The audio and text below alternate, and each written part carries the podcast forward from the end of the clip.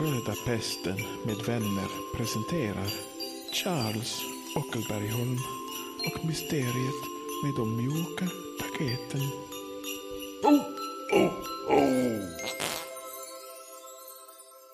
Charles, Mats och Pirko har kommit fram till Åbo där Pirkos föräldrar bor. Innan de beger sig till Pirkos föräldrar så köper Charles en kniv för att ge till Pirkos far. Väl framme hos Pirko drar Charles lite förhastat fram kniven mot Pirkos far. Men, eh, eh, det här är, det är bara en gåva, eh, pappa. Det är ingen, Charles är väldigt snäll. Han, han, han är inte så van vid att ge bort kanske julklappar och sånt till familj och vänner. Mycket riktigt, mycket riktigt. Jag har inte slagit in den på grund av um, skäl. Ja, pappa är, han är jätteglad för presenten. Ja, det, ja, han sa det ja. Pirkos mamma avbryter ståhejet och säger att det är dags att äta lite jullunch.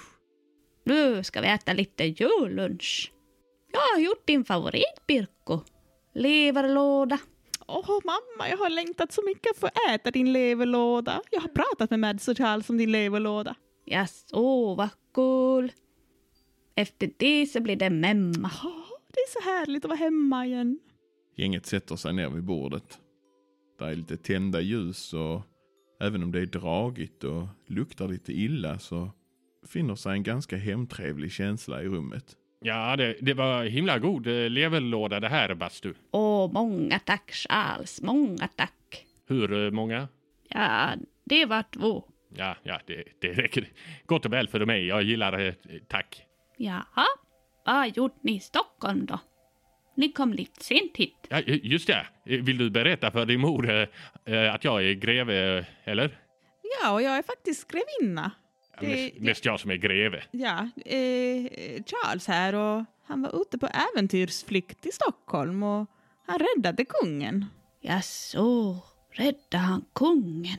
Mycket riktigt. Jag eh, kände det på mig att det var eh, någonting på gång uppe vid kullen där han skulle passera vid en eh, parad. Och jag såg honom eh, på sikt och tänkte, hmm, han är nog en eh, skurk. Och så stoppade jag honom. Han tänkte skjuta kungen. Så ja, jag, jag blev adlad kan man väl säga och så Pirko också. Nej men, så säger man inte Nivar. Nej, det, det, det var lite eh, taskigt. Hon är ju trots allt din dotter. Diskussionen fortsätter i rummet och Pirkos mamma plockar av bordet och ställer fram en, en låda med en brunaktig sörja. Åh, memma, så gott! Brukar eh, du äta memma när du är hemma? Ja, det gör jag alltid. Det finns ingen så bra memma i Sverige. Nej, jag har aldrig ätit det. Vad ska det smaka? Jag måste säga det ser ut och luktar lite som skit. Himla otrevligt. Ja, ja jag är från Danmark. Ja.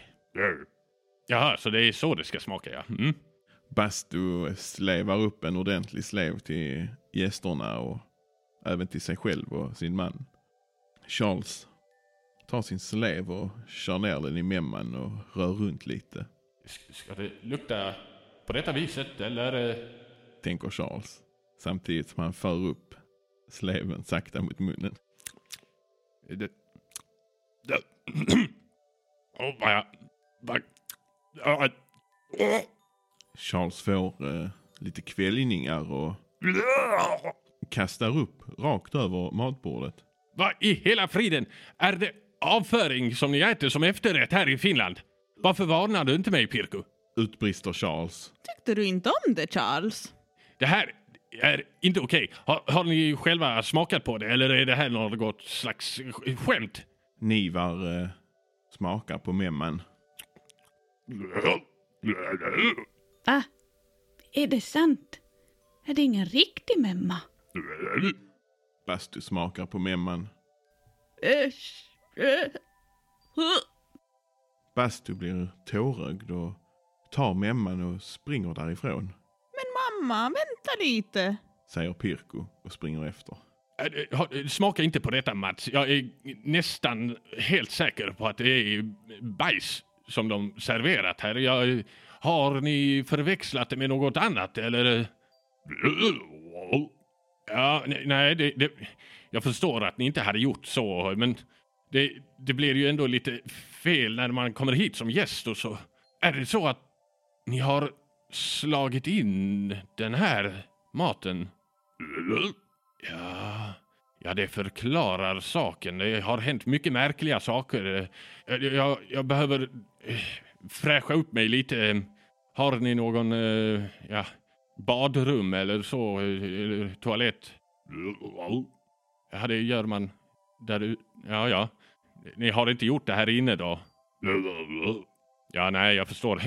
Men det, det luktar lite konstigt. Det kan och för sig varit den här memman, ja. Men jag, jag, jag kommer strax tillbaka. Charles reser sig från bordet och går ut för att hitta någonstans att eh, fräscha upp sig lite. På baksidan, utanför Pirkus föräldrars skjul, ser Charles ett välbekant snigelspår i marken. Vad i hela friden? Charles drar sina fingrar i snigelspåret och för upp det mot sin näsa. Det luktar precis som all annan avföring från de här paketen. Det, vad i... Charles reser sig hastigt upp och går med bestämda steg in mot det lilla skjulet igen. I dörren möter han Pirko och hennes mor Bastu som kommer tillbaka igen. Pirko! Bastu!